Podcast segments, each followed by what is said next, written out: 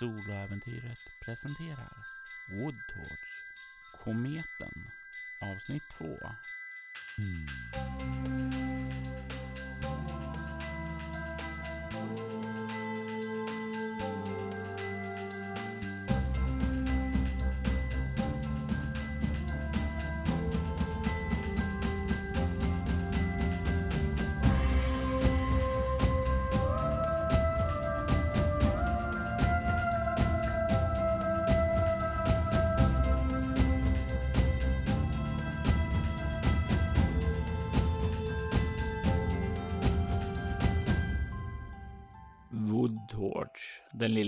Amerikanska småstaden, är hemsökt av terror. En av dem som har varit med om hemskheterna som har skett är den unga labbteknikern Kylie Young. Hon var med om ett intermezzo med tomten och såg en bekant, bilmekanikern Ridge Sunderland, slitas i stycken av tomten. Sedan, när klockan slog tolv, så vände han om och försvann från platsen i sin släde med renarna som drog den iväg upp i luften. Kylie, var någonstans befinner vi oss nu? Kylie är på en uh, stulen cykel på väg tillbaks till eh, Alfa Omega Industries. När hon låg där på golvet efter att ha dykit för att ta sig ut från tomten så eh, var den starkaste känslan att bara ta sig härifrån och ta sig till en plats där hon kanske kunde tillkalla hjälp. Och eh, det enda som hon kunde tänka på var såklart att ta sig tillbaks till labbet. Hon lyckades hitta en cykel och har nu cyklat genom snön tillbaks alla de här kilometrarna. Återigen så vill jag att du slår ett lätt slag med kropp plus överlevnad för att se hur eh, kylan påverkar det. Den här gången har du minus två på slaget. Det blir 12. Du eh, lyckas hålla dig varm och får ingen som helst eh, köldskada eller så. Du kan se när du närmar dig Alpha 1 Omega Industries område hur grinden verkar ha rammats sönder och ligger på marken inåt själva området. Du kan se hur dörren in i lokalerna är öppen på vid gavel. Längre bort så kan du se en ganska lerig väg leda upp mot kullen där meteoren slog ned och du kan se ett grönaktigt sken verkar lysa där bortifrån. I dörren till själva lokalen så kan du se ett par fötter på marken sticka ut. Hon har ändå gjort kopplingen att hon var på väg till polisstationen för att det var någon i en tomtedräkt. Och den möjligheten har legat i bakhuvudet. Kanske också kopplingen att det var någonting med klövar som hon körde på. Och att se det här är inte helt chockerande på en ren intellektuell nivå. Men emotionellt känns det tungt. Jag tänker att det kan vara nog för dig för att slå ett omskakande skräckslag med utstrålning. För personen som ligger här är ju inte bara en död kropp. Det är ju en person som arbetar på samma arbetsplats som du, även om han verkar vara en vakt. Så uh, ni kanske inte har jättenära uh, samarbete, men det är ändå en sån där person som du sagt hej till och haft samröre med. Får uh, femma. Du känner hur liksom dina nerver dallrar till och jag tänker att du tar en bestående förlust i utstrålning. Utstrålning mår inte jättebra just nu. Det har varit en dålig natt. Klockan har glidit över midnatt nu sedan ett bra tag och datumet är nu den 24 december. Kylies instinkt är nog ändå att alltså, springa mot byggnaden och Herr Blue och James är i hennes tankar. Du kommer fram till dörren och du kan se vakten ligga där och du liksom kollar undan där eh, och eh, skyndar dig förbi honom. Och du kommer in i det här området och du kan se längre bort en skrubb vars dörr liksom har vräkts upp och dörren ligger nere på golvet. Du kan se mitt i rummet James kropp med skärsår som vid det här laget är bekant för dig.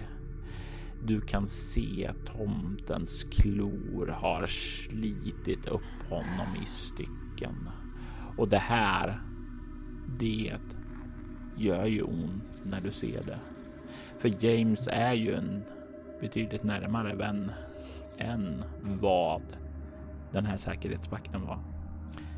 Jag vill att du slår ett chockartat skräckslag med utstrålning nu. Får en sexa. Du får två skräcknivåer till. Och du kan spendera dem hur du vill. Vi köra lite kanske galenskap och stress? Galenskap och stress, då ska du ha två tillstånd till. För du får ett tillstånd vid det första du sätter i en kategori och en tredje i en kategori. Okej. Okay. Kanske ska ta två på samma så jag inte gör det. Det här är också ett eh, litet sak som du kan reglera hur eh, mycket mentalt trauma du får där. Ja, men ska vi köra galenskap då bara? Då slår du en T6 till. Fem. Tvångstankar heter tillståndet du får nu. Och det innebär att jag en gång per scen kan ge dig en tvångstanke som du måste agera på såvida du inte tar en bestående förlust i utstrålning för att ignorera den. Och jag kan ju säga nu på en gång att för tillfället kan jag inte göra det för att då kommer jag i noll på utstrålning så uh, I, am your puppet right now. Um, men jag tror så fort uh, uh, Kylie ser James att hon skriker ut ett uh, bara nej! Och springer fram och liksom plockar upp honom. Och han är ju en livlös köttsäck. Du drar dig till minnes alla de här timmarna ni har spenderat sida vid sida vid labbet. Och en tanke där, ett minne far förbi. Ett eh, lyckligt minne som du hade med James. Vad är det för minne du har av honom som liksom glider förbi där och då du håller honom nära? Jag tror ett minne när vi satt uppe sent någon gång för att gå igenom data och vi var bara trötta och hon kom inte ens ihåg vad det var de sa, var det började, men, men James gav ifrån sig, sa någonting och det bara blev så roligt. Så där roligt som bara så här, saker kan bli när man är riktigt trött och har jobbat riktigt länge. Och hon började bara skratta och, och de bara skrattade tillsammans och allt var roligt ett tag där. Och du hör det här liksom skrattet eka i ditt bakhuvud. Minnet tillsammans med honom. En tid då allting var bra. Men just här och nu den 24 december så är det ingen som skrattar längre. Du håller i en död, kall köttsäck. Jag tror att hon eh, alltså, klappar honom och stryker honom över håret. Men inser att liksom... Jag kan inte... Jag, jag måste... Jag måste ta mig härifrån. Jag måste... Jag, jag, jag kan inte stanna här. Och motvilligt släpper honom. Men försöker ändå på något sätt lägga honom värdigt. Liksom, så att det, det känns som att han ligger ordentligt. Eh, med att han inte liksom bara ser ut som en död kropp utan kanske proppar upp honom mot någon vägg. Så att han sitter och det känns... Hon vill inte att han bara ska vara en död trasdocka som ligger någonstans. Du skänker hans kropp en respektfull sista vila däremot. Det känns lite bättre att göra det för honom. Du kan få tillbaka en bestående förlust i utstrålning. Sen börjar hon nog för att titta runt i rummet och försöka lista ut vad tusan hon ska göra härnäst. Du kan ju se att det mesta är som vanligt, men det som verkar ha hänt verkar vara bortifrån skrubben där. Troligtvis där de höll fyllot i tomtedräkt inspärrad. Du kan se hur vakten ligger på marken och du kan se hur han har. Han verkar ha hunnit dragit sin pistol, men eh, inte hunnit avfyra den innan han blev attackerad av tomten. Hon vill gå och plocka på sig pistolen, tror jag. Mm. Har du något i avståndsstrid? Nej. Vad har du i teknologi eller medicin? Uh, medicin har hon fem.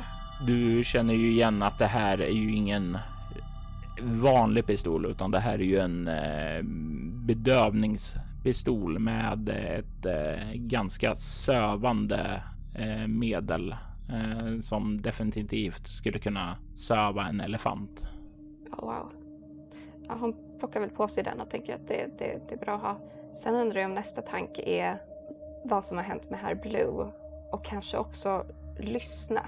Försöka lyssna om det är liksom någonting som rör sig, om det är någonting som fortfarande är här. Om någon lever någonstans. Jag vill att du slår ett kropp plus obemärkt. Ett lätt slag. Uh, yes, jag får tio. Du lägger ju märke till att det är två personer som du inte har koll på av de som var här då du drog. Det är vaktchefen Mr Town och eh, din chef Mr Blue. Du kan inte höra dem någonstans. Du kollar liksom runt efter spår av dem, men eh, kan inte se någonting här inne. Däremot så lägger du märke till en sak när du liksom kollar ut. Det här leriga spåret som leder upp för kullen bort mot där meteoren slog ned. Där det lyser ett grönt sken ifrån. För kullen där så verkar det stå en sån här liten, tänk en sån liten typ golfbil, alltså en mindre sån här bil som man åker på området med, som verkar ha köpt fast där uppe. Och när du kollar ner på marken här så verkar det finnas spår att den har varit här nere och vänt och åkt tillbaka sen igen. Det kan ju vara någon som har tagit sig dit.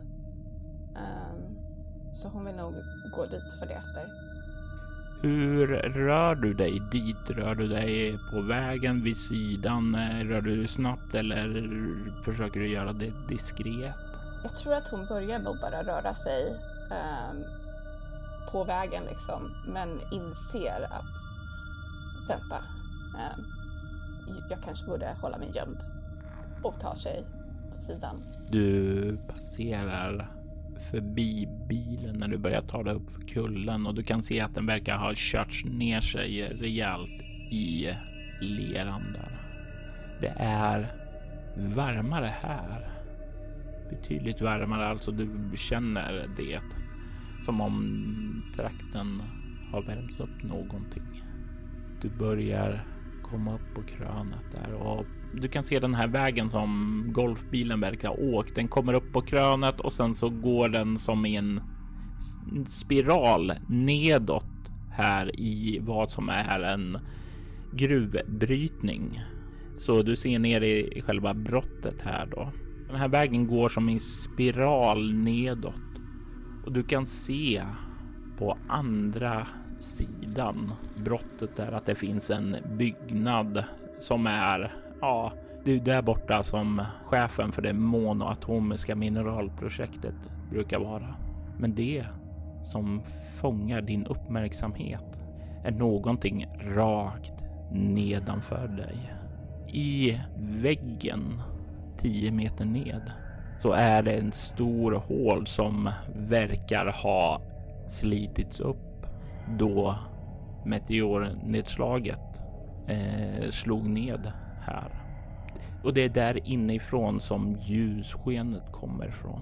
Du kan se nedanför där också en bit ifrån själva ingången hur nio renar ligger ned och verkar slumra. Och det märkliga är, men någonting som inte förvånar dig så mycket som det skulle ha gjort om du inte sett dem flyga tidigare är att de ligger där ned och sover mitt i luften med en släde kopplad bakom sig. Släden verkar vara fylld med människor. som sedan länge har slutat leva. Men den är bara halvfull. Längst nere i brottet, långt, långt där nere kan du ana en nedslagningsplats för meteoren som fortfarande ligger där. Och det är, du kan se liksom det har liksom bara blivit en stor lervälling där nere som om den här har värmt upp allting där nere längst från som den kärle som fanns där tidigare är sedan länge borta nu. Kylie stannar upp och bara tittar och inser såklart att släden är här. Han, han kan vara här. Men också att meteoren, den kan vara kopplad till allt det här. Den, den är där. Och hon känner att hon, hon, hon måste kolla närmare. Hon måste nog försöka smyga sig närmare och förstå vad tusan det är som händer. Om hon kan få någon information, det, det kanske kan hjälpa.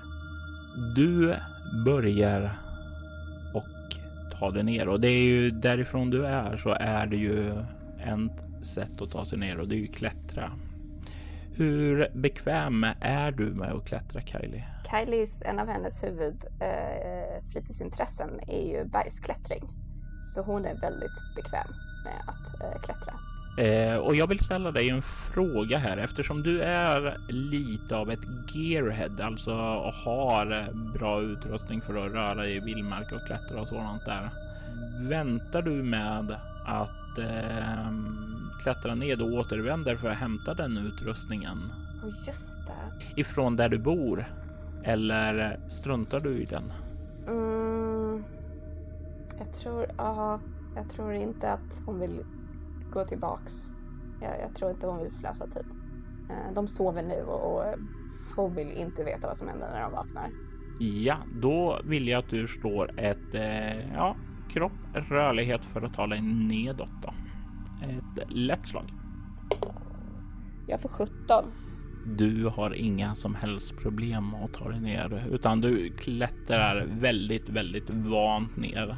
Du har klättrat mycket värre sträckor. Visst, det är lite halt och vått här som det liksom har hettats upp. Men fortfarande inga problem. Du kommer ned framför grottan. Kan se längre bort där hur renarna slumrar fortfarande. Du kan se det gröna skenet där nerifrån och längre ned så ser du hur meteoren som ligger där nere. Du kan ana att den nästan glimrar i grönt. Nästan, ja, eh, du kan ju slå ett ego överlevnad och med din specialisering geolog så får du slå två tärningar. Då blir det 15. Du tycker dig att ja, det ser nästan ut här uppifrån som om det skulle vara gjort i obsidian. Mm, okay. Och ser jag någonting in i grottan? Är det någonting mer där eller är det bara renarna? Renarna ligger ju utanför grottan en bit bort. Eh, men när du kikar in där så kan du se hur den sluttar nedåt. Men du kan ana där inne att det verkar finnas hällristningar på väggen.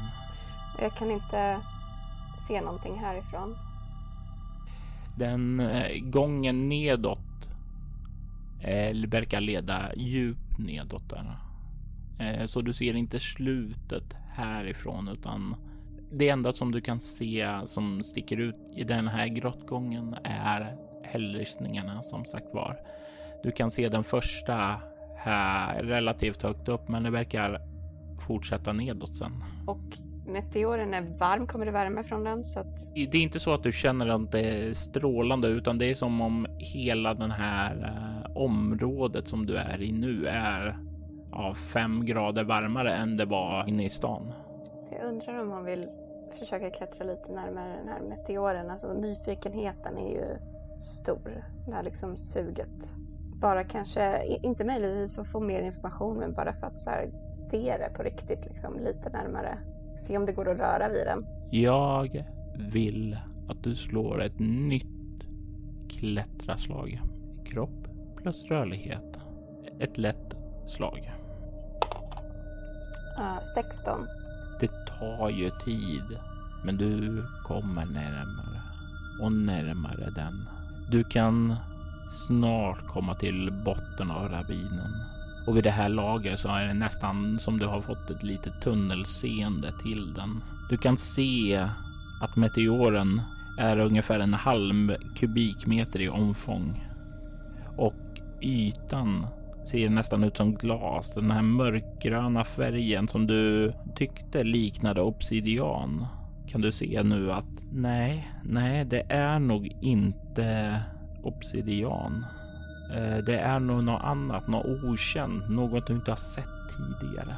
Hon fylls ju av den här liksom fascinationen, eh, den här nyfikenheten som från början drog henne till att studera eh, geologi och geokemi och geofysik. Och att möjligheten att hon kanske står inför något helt nytt material är, det känns så enormt. Samtidigt som det också finns något längst bak i huvudet som säger att det här också kan vara källan för allt det hemska som har hänt.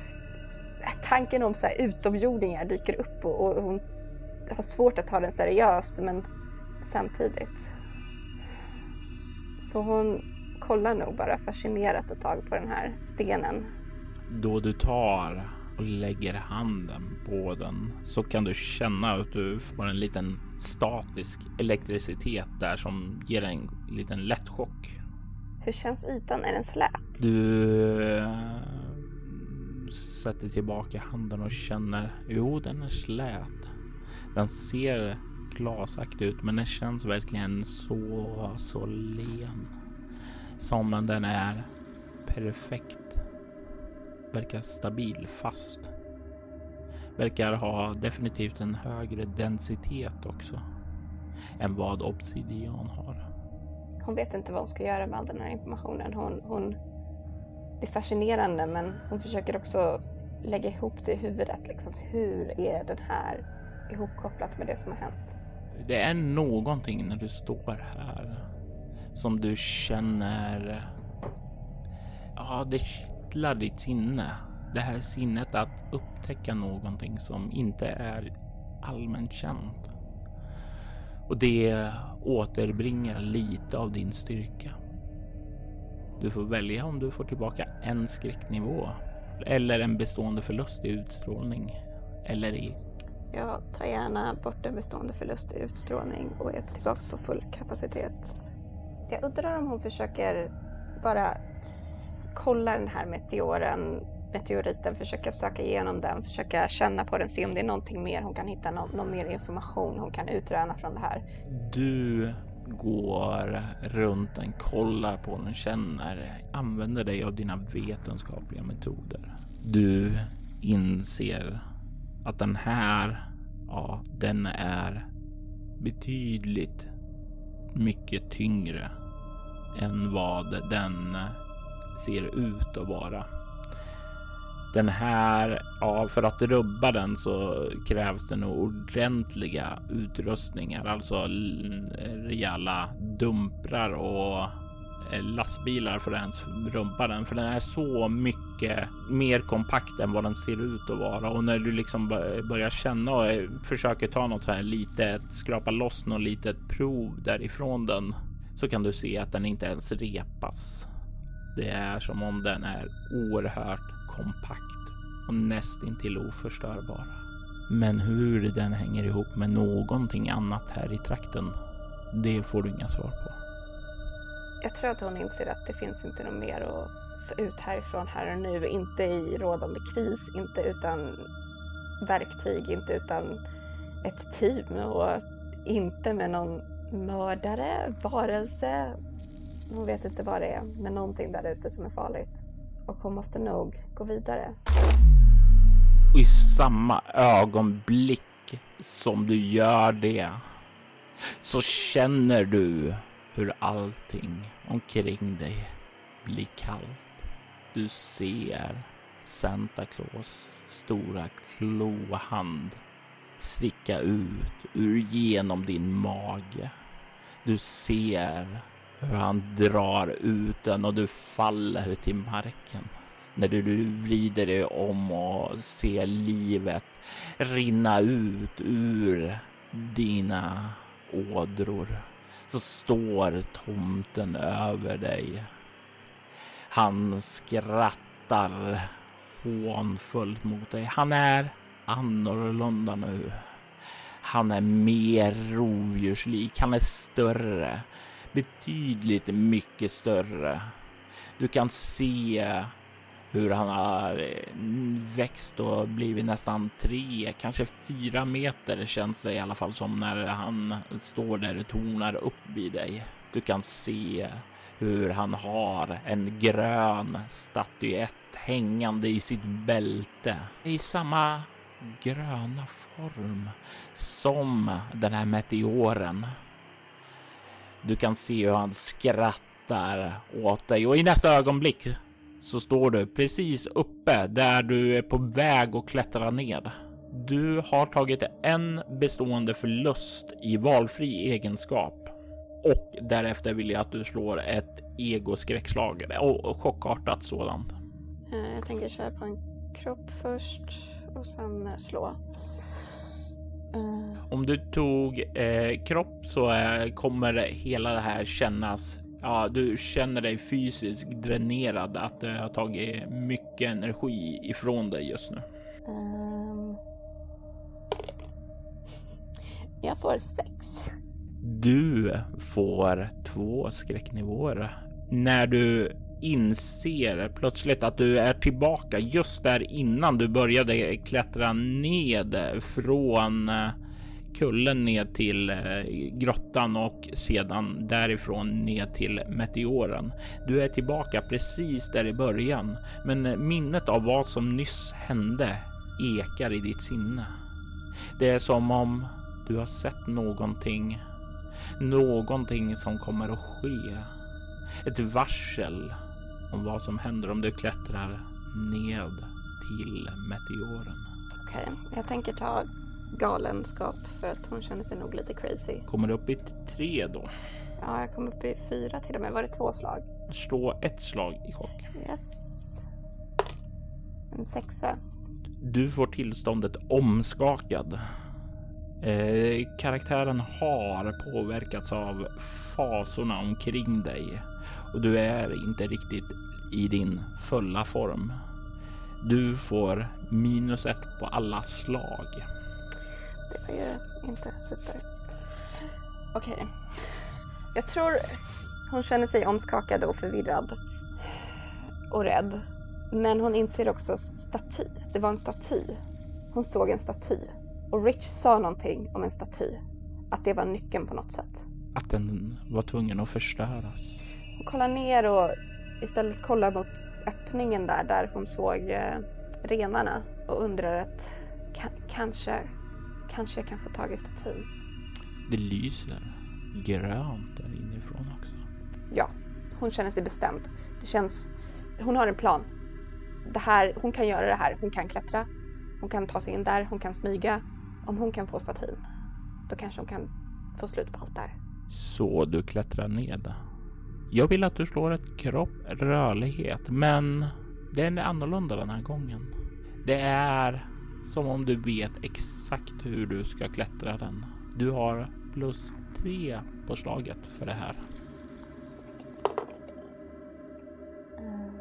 Och sen minus ett då för omskakad. Jag får 15. Och du känner verkligen en känsla av déjà vu när du klättrar ned här. Det är, du har klättrat den förut. Du gjorde det ju alldeles nyss. Du kommer ner och står framför ingången. Ser jag någonting mer av att kika in? Du ser den sluttar nedåt och du kan se de här hällristningarna. Du har sett dem tidigare. Du har sett allt det här tidigare. Se ett grönt ljus. Kan jag se var det kommer ifrån? Långt, långt ned där i grottgången. Men exakt vad som dess källa är kan du däremot inte se hon vill eh, smyga sig in. Du rör dig inåt, ned i gångarna. Du kommer fram till hällristningarna och det verkar vara Ja, jag vill att du slår ett lätt slag med egolingvistik. Yes. Sju. Du rör dig där ned och du kan se att eh, ja, det är troligtvis ristat av någon gammal eh, befolkning som har levt här. Några native americans för länge sedan. Det verkar vara någon form av en skapelseberättelse av någonting och i centrum verkar vara en schaman som verkar här väldigt hänförd av en staty, av en statyett. Och du kan se hur det verkar driva honom ondskefull. Du kan se hur hans folk dödar honom och gömmer undan statyetten. Kylie ser på det här och kan inte låta bli att koppla. Och jag tror hon till och med lätt rör vid bergväggen och undrar om det här är någon slags förklaring för vad som har hänt här. Och eh, kollar mot där ljusen kommer ifrån. Nu när du har kommit längre ner så kan du se att ljuset verkar komma ifrån en sal som verkar öppna upp sig där längre ned. Det enda sättet att förstå det här är att hitta statyetten. Hon tar sig vidare. Jag undrar vad du har i obemärkt? Uh, inte jättemycket, en etta. Du gör ditt bästa ändå antar jag för att låta så lite som möjligt. Mm -hmm. Och det, det låter väl inte alls. Du kommer ned och du kan se hur det i den här salen verkar ha byggts en hydda. En hydda av människokött. Du kan se en öppning i den här hyddan och du kan se med ryggen emot dig så sitter Santa Claus på marken och verkar vara i någon form av mässande. Det är på ett tungomål som du inte kan förstå eller känna igen, men det verkar vara något primalt över det. Uråldrigt, bestialiskt. Men det är någonting som är ännu mer obehagligt med här än själva ljudet som det stöter ifrån. Det är rytmen. Vad har du i konstnärlighet? Ingenting. Är det inte en rytm som ja, påminner om en modern julsång?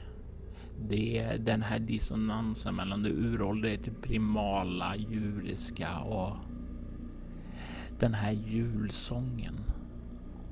Det får det att krypa lite i din hy. Men med tanke på allt du har varit igenom så är det inte nog för att du ska slå ett skräckslag. Men det känns lite obehagligt. Han verkar vara i någon typ av trans. Och framför honom en bit in i den här hyddan så kan du se på en scen att det står en grön statyett. Statyetten bär drag av eh, en eh, tomte. Det är inte identiskt med den här bilden av tomten utan eh, det är ja, mer förvridet, mer djuriskt, mer vilt. Men det, det är ändå tillräckligt lik för att du ska kunna se eh, dragen där. Troligtvis betydligt mycket äldre än innan myten om tomten själv. Du hade noll i konstnärlighet. Ja. ja. Du skulle gissa att föremålet kanske är hundratals år gammalt, kanske eh, till och med äldre än så. Tanken att något sånt här skulle liksom ha funnits, att, att våra jultraditioner på något sätt skulle ha inspirerats av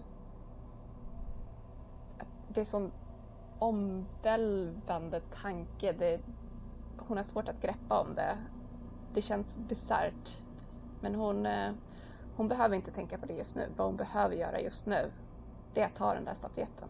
Hur ser golvet ut? golvet är, ja, det är ganska, tänk dig ett ordentligt jordstampat golv. Inte så att det är, inte så att det är mm, gjort för att någon ska bo här, men tänk att det är en, det är en naturlig grotta där det en gång för länge sedan har varit många som har rört sig här inne. Och du drar dig till minnes hällristningarna då tänker att det måste ha varit en helig plats här en gång i tiden. Det är inte väldigt ljudligt utan det är ändå ganska diskret om man vill röra sig tyst på. Eh, själva hyddan är rätt stor och måste ha krävt en hel del människor för att skapa. Du kan se en del rester av ben och hår slängda vid sidan. Det är nästan bara det här inre fettet och köttet som har använts Ja, ungefär som någon har drejat upp det här. Det liksom har formats av en mästerhantverkare i en material som är så groteskt. Men det är stort och ja, säkerligen 10 meter brett och långt in. Kyle vill inte ens fundera på hur det här har kunnat tillverkas eller vad som har behövt krävas, hur många människoliv. Hon, eh, hon vill inte ens tänka på det. Men eh, jag tror hon vill försöka smyga fram och ta statyetten, hoppas att den här transen håller, men vara beredd på om han börjar röra på sig, kanske bara kuta härifrån så fort hon har statyetten i händerna. Men till att börja med smyga fram.